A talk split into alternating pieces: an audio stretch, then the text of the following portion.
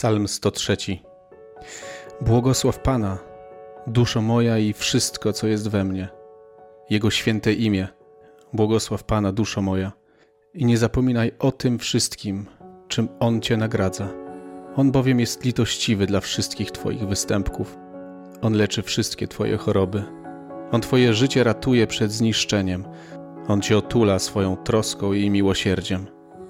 On Twe potrzeby zaspokaja dobrami, by Twoja młodość mogła się odrodzić, jak u orła. Pan spełnia uczynki miłosierdzia i wymierza sprawiedliwość cierpiącym krzywdę. Objawił Mojżeszowi swoje drogi, synom Izraela swoją wolę. Pan jest miłosierny i łaskawy, cierpliwy i bardzo litościwy. Błogosław duszę moja Pana. Ustami wzywam moje serce i moją duszę żeby wielbić Boga, bo widzę w Nim, bo czuję największą miłość i największą opiekę mojego życia. Niecały tydzień temu wracaliśmy do domu samochodem. I przez jedną chwilę, to był ułamek sekundy, kiedy miałem wrażenie, że stoję dokładnie na granicy łaski Boga. To znaczy, mam wrażenie, że mogłem przez mikrosekundę doświadczyć tego uczucia, gdybym nie żył w Jego łasce. Trochę tak, jakbym wychodził za kopułę opieki. Dziwne to było uczucie, bo tak jak mówię, trwało dosłownie kilka, kilka mikrosekund, ale miałem wrażenie, że czuję samotność, że czuję opuszczenie, że czuję niepewność, że w zasadzie jestem sam. Bardzo szybko wróciło do mnie to poczucie przynależności, poczucie opieki, poczucie tego właśnie, że nie jestem sam.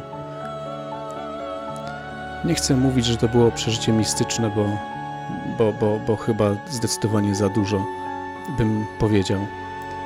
Ale będąc po prostu w samochodzie razem ze swoją rodziną, wracając z podróży, miałem poczucie, że jest Bóg, który nad nami czuwa, niezależnie od okoliczności, niezależnie od tego, gdzie teraz jestem, w którym teraz jestem miejscu, ale, ale właśnie dlatego, że jestem w nim zakorzeniony swoimi myślami, swoim sercem.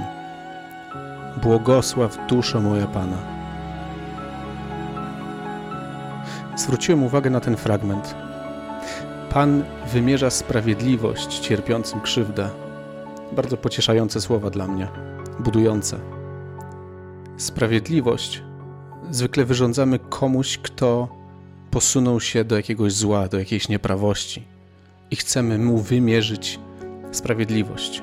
Natomiast tu chodzi o cierpiących, że to na tym skupia się Pan, na tym e, skupia swoją, swoje miłosierdzie, swoją opiekę, że to o tych się troszczy, o tych, którzy czują niedostatek, o tych, którzy czują przytłoczenie, o tych, którzy czują, że już nie dają rady, to wobec nich Pan będzie sprawiedliwy. To jest obiecane w Jego słowie. Dzisiaj byłem z córką u lekarza, z moją sześcioletnią córką. I stała przed krótkim zabiegiem, przed którym usiadła bliżej mnie. I jedną ręką złapała mnie za moją rękę, a drugą ręką dłonią chwyciła mój palec. I ten zabieg i tak miał się wydarzyć. Ale sam fakt, że byłem i sam fakt, że mogła właśnie przycisnąć się do mnie i złapać mnie za palec, dodawał jej otuchy. Ale też dodał jej siły. Wiedziała, że nie jest w tym sama. Błogosław duszo moja Pana. Jeden fragment chciałbym przeczytać z tłumaczenia Nowego Testamentu, z przekładu dynamicznego. To dynamiczne różni się tym, że ma wpisać się w kontekst kulturowy nasz i w język codzienny nasz, tak jak Pan szuka drogi do nas, żeby sprawiedliwie oddać tym, którzy Go szukają. Posłuchajcie. Pan Jezus mówi, dlatego wszyscy, którzy jesteście utrudzeni lub czujecie się przeciążeni, przychodźcie do mnie, a ja dam wam odpocznienie.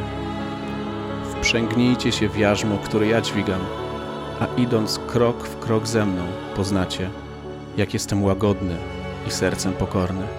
Dopiero wtedy znajdziecie prawdziwe wytchnienie dla waszych dusz. tylko wprzęgając się w moje jarzmo, odczujecie prawdziwą ulgę, a wasz ciężar stanie się lżejszy. Jakiekolwiek trudności w tej chwili doświadczasz, jakikolwiek ciężar, zmęczenie, niepewność, jest duża szansa, że one po prostu nie znikną, kiedy zwrócisz się do Jezusa. Ale Jezus obiecuje ci, że nie będziesz w tym sam i że w Jego towarzystwie wszelkie trudności są o wiele lżejsze, bo On jest miłością, bo Jemu zależy na Tobie, bo On jest Twoim Bogiem